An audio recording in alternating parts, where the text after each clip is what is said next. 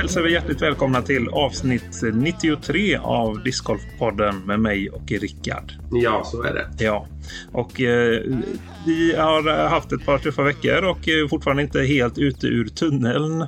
Men eh, det hörs mer på dig än det hörs på mig. Eh, Ja, så är det. det. Det kommer vara fortsatt hest här ett tag till tror jag. Vi får nog leva med det. Ja. Men eh, ja, det är en, en, en djävulsk influensa jag har drabbats av uppenbarligen. Ja, det har varit eh, det en månad snart som du har varit dålig mer eller mindre va? Ja, alltså egentligen. Jag var ju dålig första gången där när jag kom hem från Spanien. Och det var den 24-25 oktober någonting. Sen har jag varit liksom bättre men vi spelade in och, och jag var hes. Men då mådde jag ju ganska bra. Så jag blev lite sjuk igen. Och det, jag har fått kontakt med vårdcentral och sådär men det, det är en eh, riktigt jädra mördarförkylning av något slag. Ja, ja usch. Men eh, det är gött att du har tillräckligt mycket energi för att eh, ta dig hit till mig och sätta dig eh, framför en mikrofon. Ja, någon måtta får det vara. Nu måste Ja. vi köra. Ja, men exakt så. Så vi är, vi är tillbaka igen och det känns ypperligt tycker jag. Ja, och jag tänker så här, vi ska vara lite effektiva och, och vi hoppar direkt in i ett eh, mail som jag fått. Och eh, vi passar på att säga roligt att eh, ni skickar. Eh, och fortsätt med det och då är det discgolfpodden gmail.com som gäller. Och specifikt för den här gången så är det något, eh, vi ska kalla det för lite diskussionsunderlag åtminstone kopplat till PDGAs rating. Mm. Eh, och eh, herren som har skickat in det här heter Mikael Selvin. Tack så mycket Mikael. Jag läser till ett förhållandevis utförligt mejl. Hej! Till att börja med så vill jag tacka för en bra podd och jag har varit trogen lyssnare från start. Jag har tänkt på en sak och det började egentligen efter att Brody pratade om detta ämne i ett avsnitt av Tour Life nyligen. Han var i och för sig inne på fenomenet utifrån proffsnivå, men en sak jag tog med mig är att ens rating egentligen borde spegla de bästa rundorna man gör, inte snittet på alla rundor. Anledningen till detta är att jag på nästan 100% av alla tävlingar jag varit med på ser att det i flera klasser, primärt MA4, MA3 och till viss del MA2, krävs ett mycket högre snitt för topplacering än vad klassen tillåter. Inte ovanligt med uppåt 30-50 poäng högre och det skapar såklart den här diskussionen kring att tävla i rätt klass. Och vi kan ju även nämna begreppet sandbagging som detta system vi har nu möjliggör. Jag menar inte att alla utnyttjar det, eh, med, eh, utnyttjar det medvetet och kanske inte ens ser det som ett problem, men det finns ändå där. Vi som tävlar på lite lägre nivå är dels ojämna och det skiljer förmodligen procentuellt mer mellan mina topprundor och bottenrundor jämfört med en spelare på elitnivå. Och vi har också aspekten att man är i en utvecklingsfas och ibland kliver upp ett par nivåer spelmässigt men då ratingen tar med hela sista året så hänger inte snittet med. Och visst kan man fråga sig varför man skulle bry sig om detta då det inte är lika eh, då det är lika för alla. Men min poäng är att det skulle kunna bli mer rättvist ur en tävlingssynpunkt. Om vi istället för snittet på ett helår räknar med de x antal bästa rundorna under året så tror jag vi skulle få fler spelare i rätt inom citationstecken klass och färre exempel på att man vinner MA3 med typ 9,40 i snitt på tävlingen. Och kanske färre exempel på att vissa dominerar en klass så länge de kan för att sedan när de väl flyttar upp sedan genast hamna i toppen även i nästa klass. Jag tänkte att detta kunde vara ett intressant poddämne och jag fattar att det inte rakt av kan göra om systemet men ändå intressant att tänka tanken att man skulle kunna införa ett tävlingsrating som styr klass på tävlingar som ett komplement, komplement till den vanliga snittratingen som självklart också är intressant. Finns för och nackdelar att diskutera och det kanske landar i att det, är, att det är bra som det är men ta gärna upp detta Mvh och Mikael.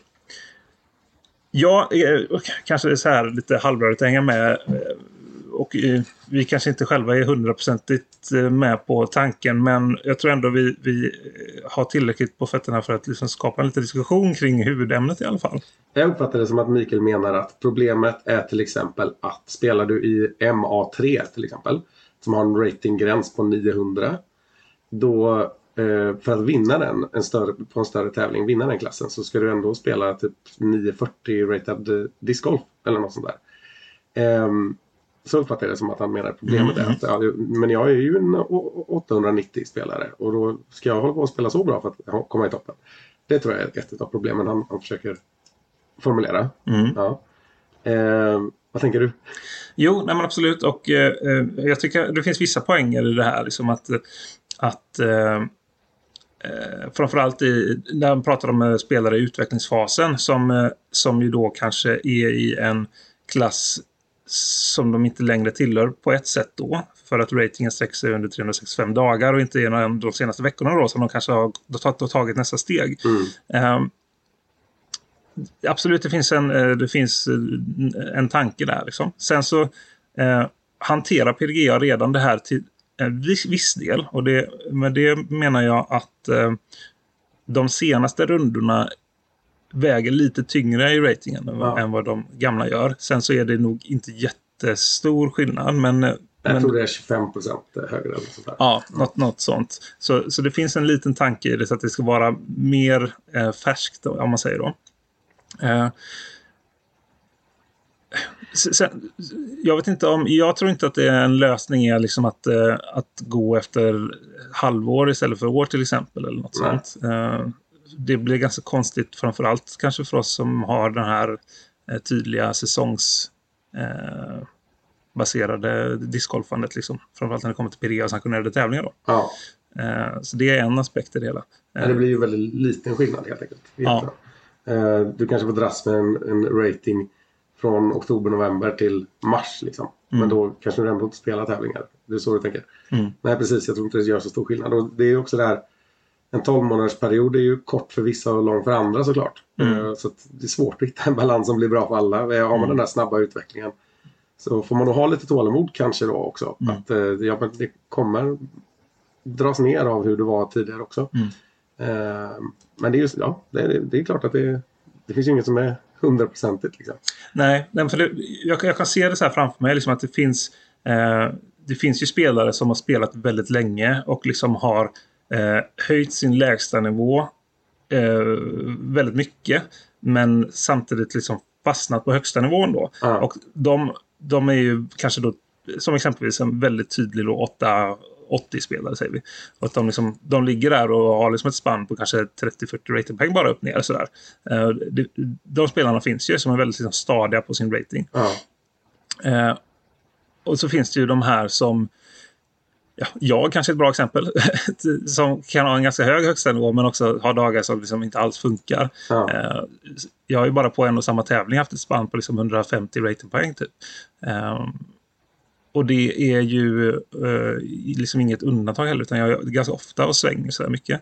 Eh, så visst, då, kan jag- då kan jag ju liksom vinna vilken klass som helst eh, en bra dag. Liksom. Men jag kan också förlora vilken klass som helst en bra dag.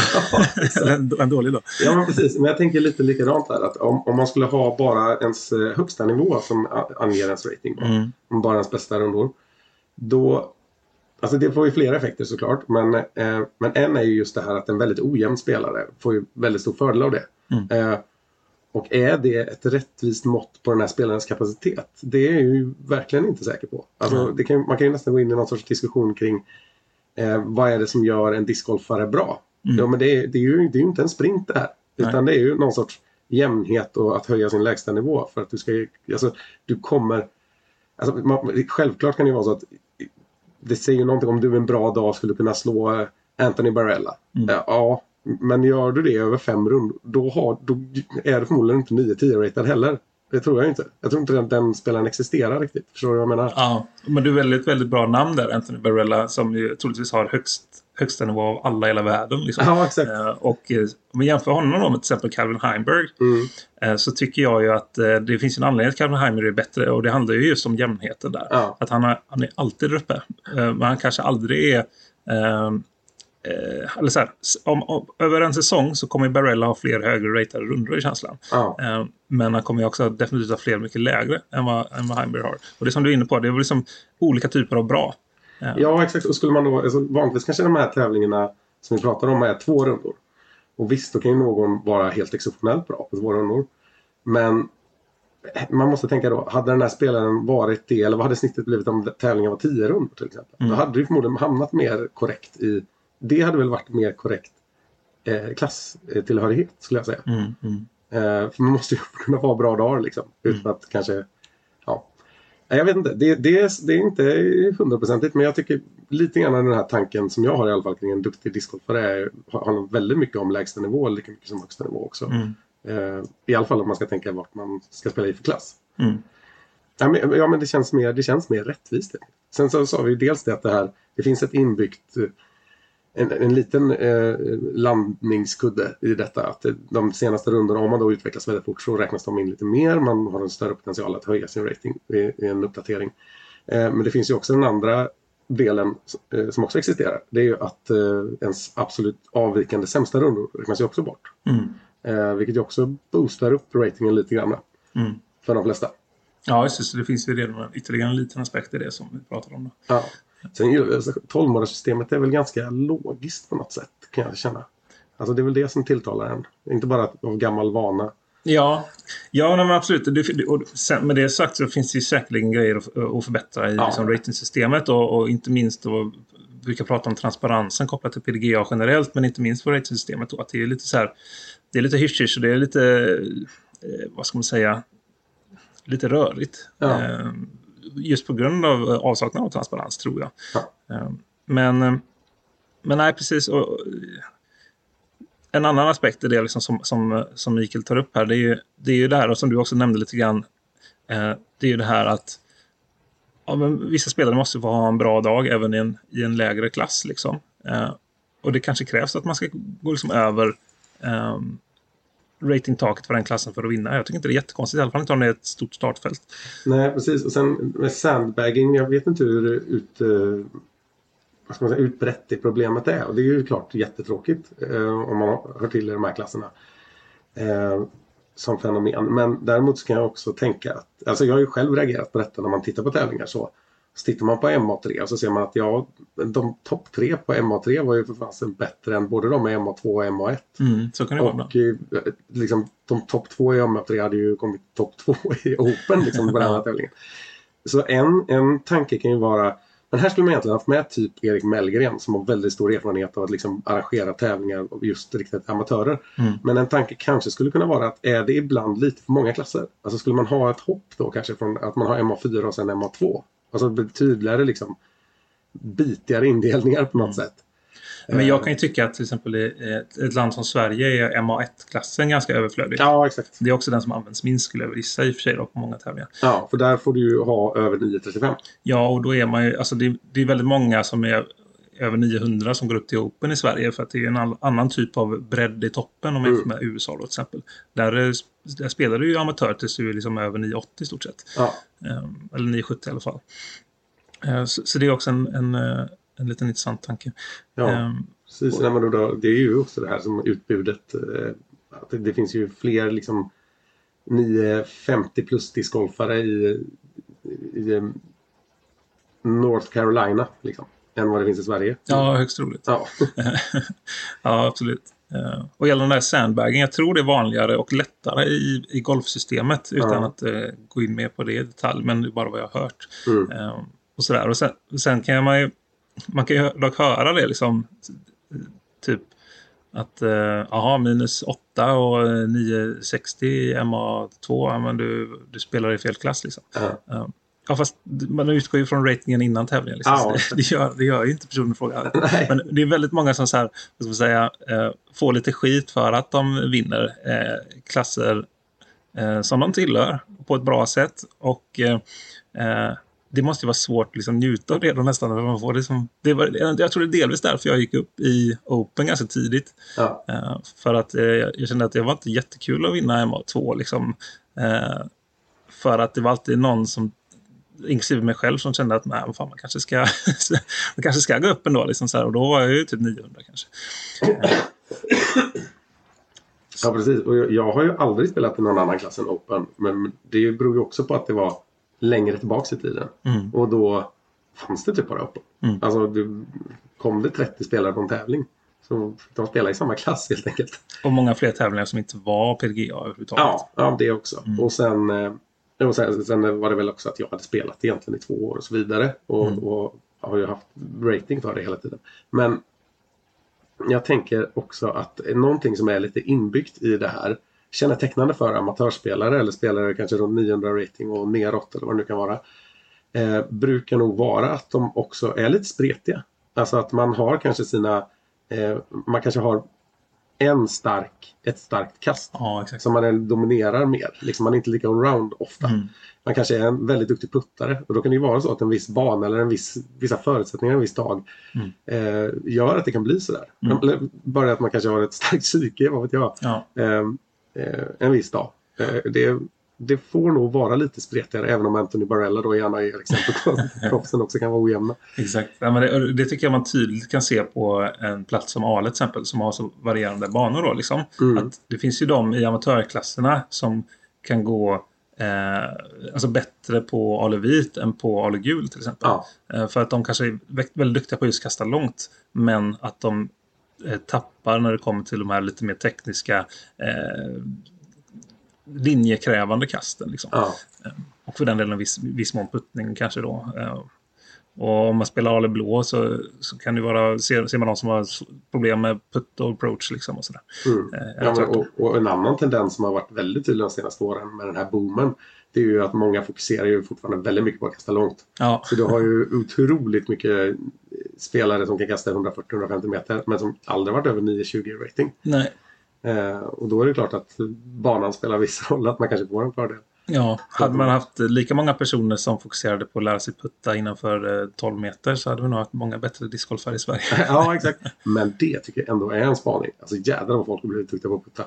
Eh, generellt. Alltså om man tittar på tävlingar och sånt också. Alltså, Ja, om man jämför med historiskt så har det ju skett en utveckling, absolut. ja. Och, och även liksom om man går ut och tittar nästan i amatörklasser också så finns det några riktiga jädra putträvar alltså.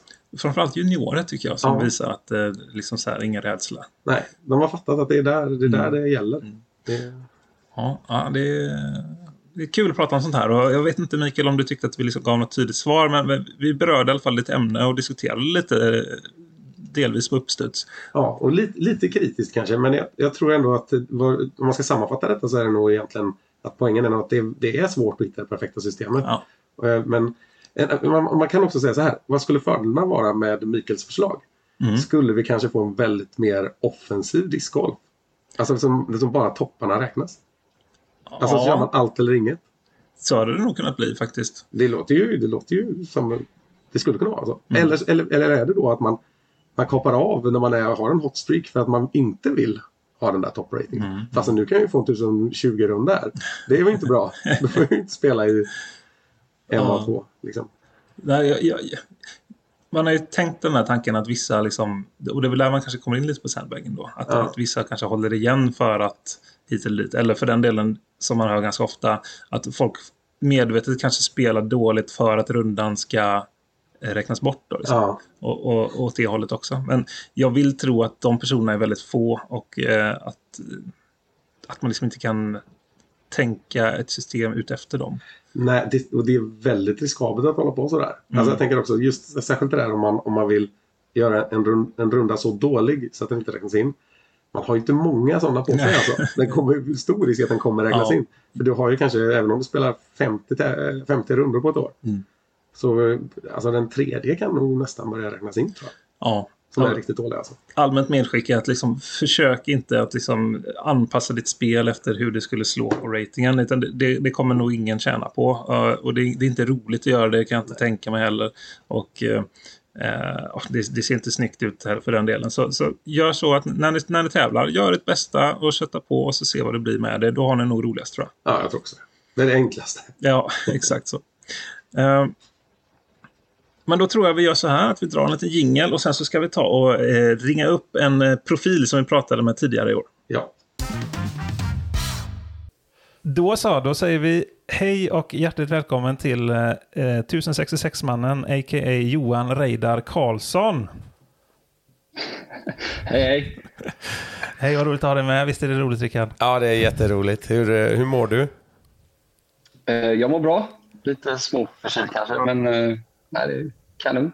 Du ska inte komma här och snacka. Nej, jag lider med Ja, jag dig. tänkte, tänkte säga det, vad undrar hur ni mår, men jag vet ju att ni har varit, eh, varit krassligt. Lite så, lite så är det. Men eh, nej, så nu får vi egentligen eh, tillfälle att spela in ett avsnitt igen. Vi har pratat lite PDGA, ratingsystem och sånt innan du dök upp här. Men Ehm, det är ju så att du eh, var ju med i ett tidigare avsnitt eh, som vi kallar just för 1066-mannen som var väldigt uppskattat och eh, sådär. Och det, det var ju precis första gången vi pratades vid och sen dess har ju vi sett, framförallt du och jag väldigt ofta Johan, men du har också träffat Rickard ett par gånger. Och det är vi glada över. Så vi vill ju ha någon typ av uppföljning här gällande din säsong lite grann. Ja, nej, det var kul att träffa er båda.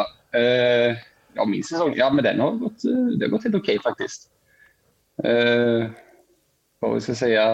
Eh, ja, min rating nu då är 882. Ja, visst. Ja, det är Så om vi ska börja där.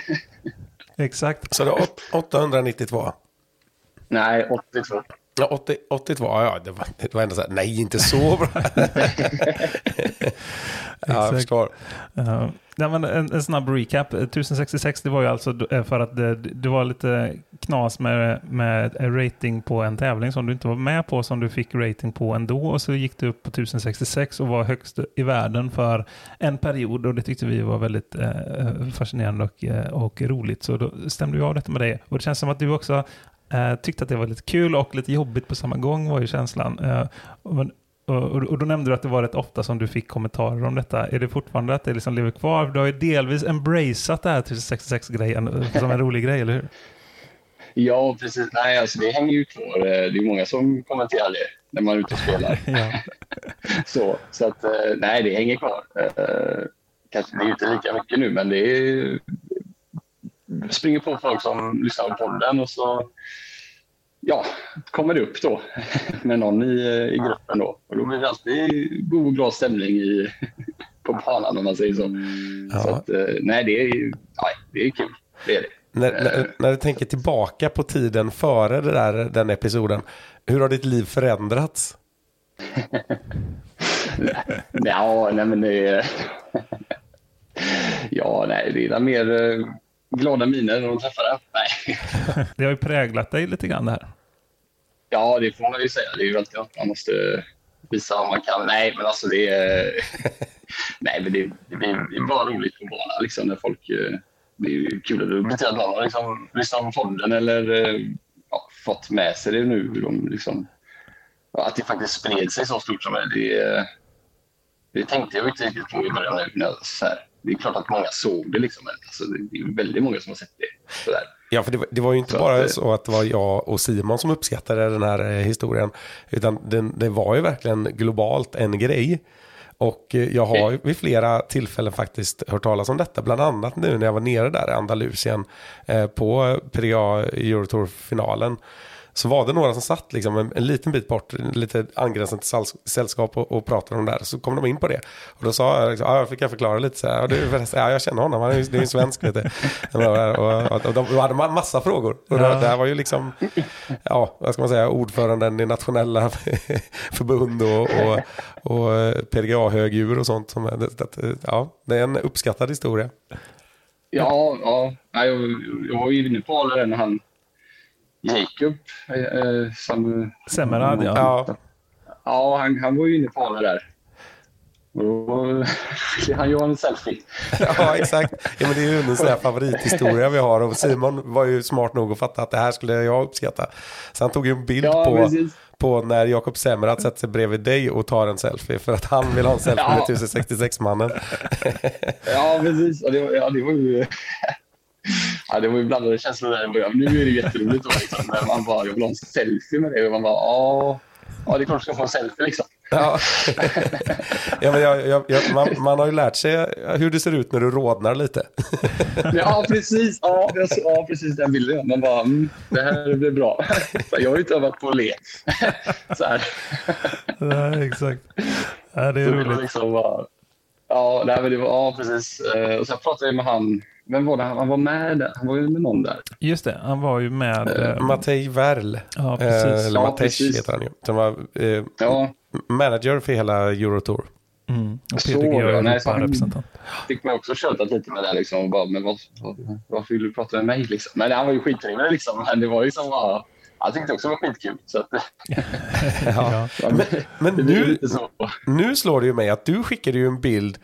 Visst var det du som skickade en bild till mig från, från Swedish Open i Borås där du tänkte, är det här du? Och så var det någon snubbe som Ja. satt och fotade i en buske. Och det var ju Matej.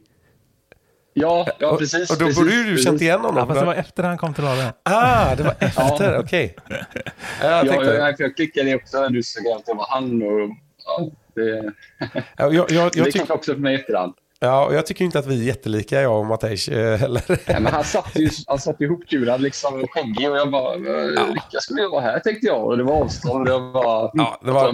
Det var en bit bort och det var regnigt och han hade capuchon och eh, keps och allt möjligt. Men han, han är ju också känd som eh, snubben som eh, sa ifrån till Nicolo Castro. Alltså som blev utskälld eller Ja. där Just det. i konflikten. Eh, det var han som kom fram med klockan där. Det Men känner nog många igen. Ja, Det är alltså Matej. Mm, precis ja. Är En, en, en hjälte i Finland hos många. Ja, jag, jag, jag pratade med honom efter det på eh, söndagen där. För det var ju sån här spelarfest eh, efter European Open. Eh, och då eh, så gick jag, jag träffade honom i baren där. Eh, och då frågade jag så här, ja, har du känt att du har fått något stöd i detta? För jag tänkte det här kan ju vara skitjobbigt för honom dagen efter liksom. Och han, han sa bara, bara så här, om du med stöd menar hundratals medlanden som kallar mig för hjälte så ja, då har jag Ja, det kan jag faktiskt tänka mig att jag gav, eh, var en bra uppslutning där. ja. Ehm, men ja, nej, det, det är faktiskt väldigt roligt. Och det, du var inne på det här när Jakob Semmerad kom och hälsade på på Ale. Du var ju mycket riktigt efter Swedish Open. Och eh, då var ju du där. Och det är ingen slump. Eh, Vi pratade lite om det när du var med sist, att du skulle köpa årskort på Ale och komma dit. När, för det var innan Ale öppnade som vi hade det avsnittet. Mm. Och eh, eh, sen får man ju säga, du, du sitter ju också här med en Ale-tröja och en Ale-keps. Det gör ju mig väldigt, väldigt glad. Eh, för du, du har ju verkligen blivit eh, Eh, ett med Ale Discgolfcenter på många sätt och eh, det, är, det är lite ditt andra hem, eller kanske det tredje hem nu då, i och med att nu är du hemma hos din flickvän tror jag. nej, jag- ja, men hon sa också att jag var andra hem. Så att, eh, det, det är nog så. hur, hur många dagar i veckan är du på Ale under säsongen ungefär? Eh, alla dagar. Nej, eh, jo, nästan. Ja, jag, säga. skulle, jag skulle snitta på sex av sju dagar i veckan i alla fall, va? Ja. Under sommarsäsongen. Och hur, Eh. hur ser fördelningen ut mellan att dricka kaffe i shoppen och att spela discgolf? Ja, nej, det är... no, det, det blir en del kaffe. Det blir det. Blir många kaffe också. nej, men det var... Nej, jag var väldigt mycket. Eh, det var jag. Ja, ja, det är vi väldigt eh, glada för. Jag, jag, jag ta, talar för både mig och Rickard och Erik Ja, ja, och, och hela, hela gänget här. Så det, det är alltid lika kul. Jag tror det är många som, som tycker att det är kul att stötta på dig generellt och känner igen dig därifrån. Liksom. Ehm, och, och, sådär. och numera också, eh, Karo är ju där ofta också. Mm. Och det är det ju. Mm. Ehm, Mm. Vad är det hon heter på Instagram nu? Miss Frisbees? Nej, vänta. Det är säkert några som... Discgolfer. Ja, just det. Miss Discgolfer är det, ja. Precis. Eh, så det är säkert några som vet vem det är också. Och vad är det du Ja, heter, det på, vad är det du heter på Instagram förresten ifall folk vill kika på det där? Eh, ja, du. Uh, eh, måste... Uh, J.R. Karlsson, tror jag. Ja, Ja, J.R. Karlsson 1991. Det låter bekant i alla fall. Just det, just det. Ja, Så där kan vi följa det era, använder inte ofta. Nej, det behöver vi inte göra. Det, Ja, det kanske räcker att det var, följa det var podden där, det är inget att följa. Eh, kanske checka in dig en, en gång i halvåret där så får de följa här helt enkelt. Carolina Ja. Rönnfors följer jag nu då. Eh, Det är, ju- det är mycket bra. Hur, eh, hur ser framtiden ut här då? För du, du, Eh, du sa ju att du, du skickade någon eh, uppdatering på din rating när du gick. Eh, först fick du tillbaka en riktig rating som var någonstans på 880 och sen så skickade du eh, när du hade gått upp plus ett i rating och så sa du små steg mot 1066 eller något sånt där. Det tyckte jag var ganska härligt. Eh, Hur, hur, ser, hur ser planen ut framöver här? Eh, Siktar du högt eller är det mest bara ut och ha skoj liksom? N- Nej, alltså... plan. Eh, 900 hade ju varit kul att slå. Jag kom upp dit. Eh, så det är en plan då. Eh, och jag fick lite storhetsvansinne i slutet på säsongen här och tänkte att jag slår ju det i år. Eh, och det gjorde jag ju inte. Eh, om jag nu, för nu stannar jag på 882 då. Eh, men jag är jävligt nöjd med det. Eh, så att eh, nästa år eh, slå 900 då. Mm. Men eh, vi får väl se. Det, men det är, ja, det, det är ju nära så. Men eh, det är egentligen det enda målet jag har eh, just nu då. Sen jag tycker jag bara det är roligt att kasta och det är ju egentligen det enda jag är ute efter. Att jag tycker det är roligt när jag är ute. Så att, eh, jag skulle inte säga att det är något högt och att jag går efter det, men eh, det var kul. Mm. Men jag tänker nu när vi ändå har med dig här. Vi pratade lite jag och Simon tidigare utifrån ett eh, lyssnarmail. Eh, som handlade om eh, om man skulle ändra ratingsystemet på olika sätt. Men då handlade det också då om att, att eh, man ser, jag vet inte vilken, vilken klass brukar du eh, delta i på tävlingar? Ja, så lågt som möjligt. Nej, alltså eh, MA3 brukar det bli för mig. Ja. inte jag helt ute och... Det brukar vara MA3. Jo, men det- det stämmer nog. Eh, Men har du reagerat på att man för att vinna MA3 oftast behöver eh, spela långt över sin eh, rating då? Eh, ja, nu, ja, det är inget jag har tänkt på så, men ja. Men, men jag själv har ju ofta spelat över min egna rating. Ja. Eh, alltså, inte- jag har ju ofta spelat över 900 på mina runder, 910 och sådana här grejer. Ja. Eh, och då har jag ju varit jätteglad över det då. Men jag har aldrig riktigt tänkt på det så som du lägger, så som du sa nu då. Jag har inte tänkt på att det faktiskt är så. Men så är det ja. Ja, för jag har kommit ganska högt upp om man ska vara då. Inte bland de bästa, men alltså ganska högt upp i MA3. Och då har jag ofta spelat över 900. Vilket då är, ja det var ju 849 brukar det vara. Max. Nej, nu sa jag fel. 900 borde gränsen vara då. Ja, precis. 899, ja precis. Eh, så no, då, nu tänkte jag fel. Jag tänkte på MA4. Då, Ja, tänkte MA4 jag är nog 849, ja precis. Men det blir, ändå, det blir ju ändå en bit över... Eh, alltså, du, du kanske kommer ganska högt, men inte liksom topp tre kanske, när du, går, när du spelar typ 9-10 då. Liksom. Eh, Ja, Kanske man kan ta utifrån det, så då stämmer ändå det lite påståendet. Då. Ehm, eh, när vi hade nämligen en fråga om det, att eh, om det liksom är att, att eh, det var en som tyckte det var lite konstigt att man liksom eh, att det var så många som, de som vann sina klasser var över eh, ratingtaket i den klassen liksom. Och att man kanske skulle ha ett ratingsystem som var mer baserat på eh, ens topprundor istället för ens snittrundor på något sätt. Eh, så det diskuterar vi lite kring. Om du undrar var Ja. det liksom kommer ifrån. ja nej, jag, jag förstår tanken. Här, liksom, ja, kanske. Jag, ja, jag vet inte. Jag, ja, spelar du jämnt så går du ju upp i rating, tänker jag där då. Mm. Men, om, om du spelar 40 över din rating så har du gjort en bra runda. Ja, ja men exakt. Det är lite så. Då förtjänar man kanske att vinna, så kan man tycka. Då, liksom. kan jag tycka då. Mm. Men jag, jag, jag, ja, jag är inte jätteupphängd på den här ratingen riktigt så heller. Alltså, på, ja. Smith eh, pratade, han fick lite skit för det, det var ganska roligt. Eh, eh, när han var ganska ny då, så var en, en, en stund innan han gick ö- över tusen i rating, så, så, så sa han många gånger så här att "Nej, jag tycker ratingen är skit, inget att fokusera på det, det, det, det, är bara, det är bara en siffra liksom. Och sen när han gick över tusen rating så, så sålde han massa tusen merch och så. det var ganska, ganska roligt, double standards. Ja, ja precis. På tal om Ja, det, nej, den, ja. blev det någon 1066 merch för din del? Det blev en keps. Det Aha, blev det faktiskt. Nice, nice. Ja, ja. Det är bra. Eh, och jag- har också sett att du har någon sån 1066 på din telefon, va? Någon sån här klistermärke eller någonting. ja, precis, precis. Ja, det, det var en gåva från en på jobbet. Ja, det kan nog vara. Attraherar du många liksom, historieintresserade med det där också? För jag har ju hört att du, du kallas för Hastings också. Av de som är... Ja, det är ju Dan där och några på Ale. De, eh, ja, nej, det är... Nej, inte så mycket sånt kanske, men eh, en del. Ja, Eh, Där är det en hel del sånt. De gapas och av sig. Någon som vill vinka. Ja. just det. Det är Det nämligen ett historiskt årtal, The Battle of Hastings. Eh, De som vill veta mer om det kan googla. 1066 är nog det första det kommer, som kommer upp e- efter Johan Karlsson då kanske. Ja, Ja. precis. Beroende på vad man har för discgolf. innan så kanske jag kommer först. Ja, Eller- exakt, exakt. Precis så. Ja, men vad roligt. Eh, eh, det var kul att ha en liten uppföljning här. Är det något, är det något, vi borde, något annat vi borde prata om när vi ändå sitter här? Är det, är det något vi borde prata om Johan? Är det något du saknar i podden generellt? Ja, jag vill ju säga mer avsnitt, men det kan jag inte säga. Eller? Alltså, det får mer du om vadå? Fler avsnitt. Ja, ja, ja. avsnitt. Mer och längre avsnitt. Vill Johan ha. Det önskar han sig julklapp. Ja, absolut. Nej, men vi ska göra vårt bästa. Det, vi Nej, vill ju också nej, ha fler jag- avsnitt, det, det kan jag garantera.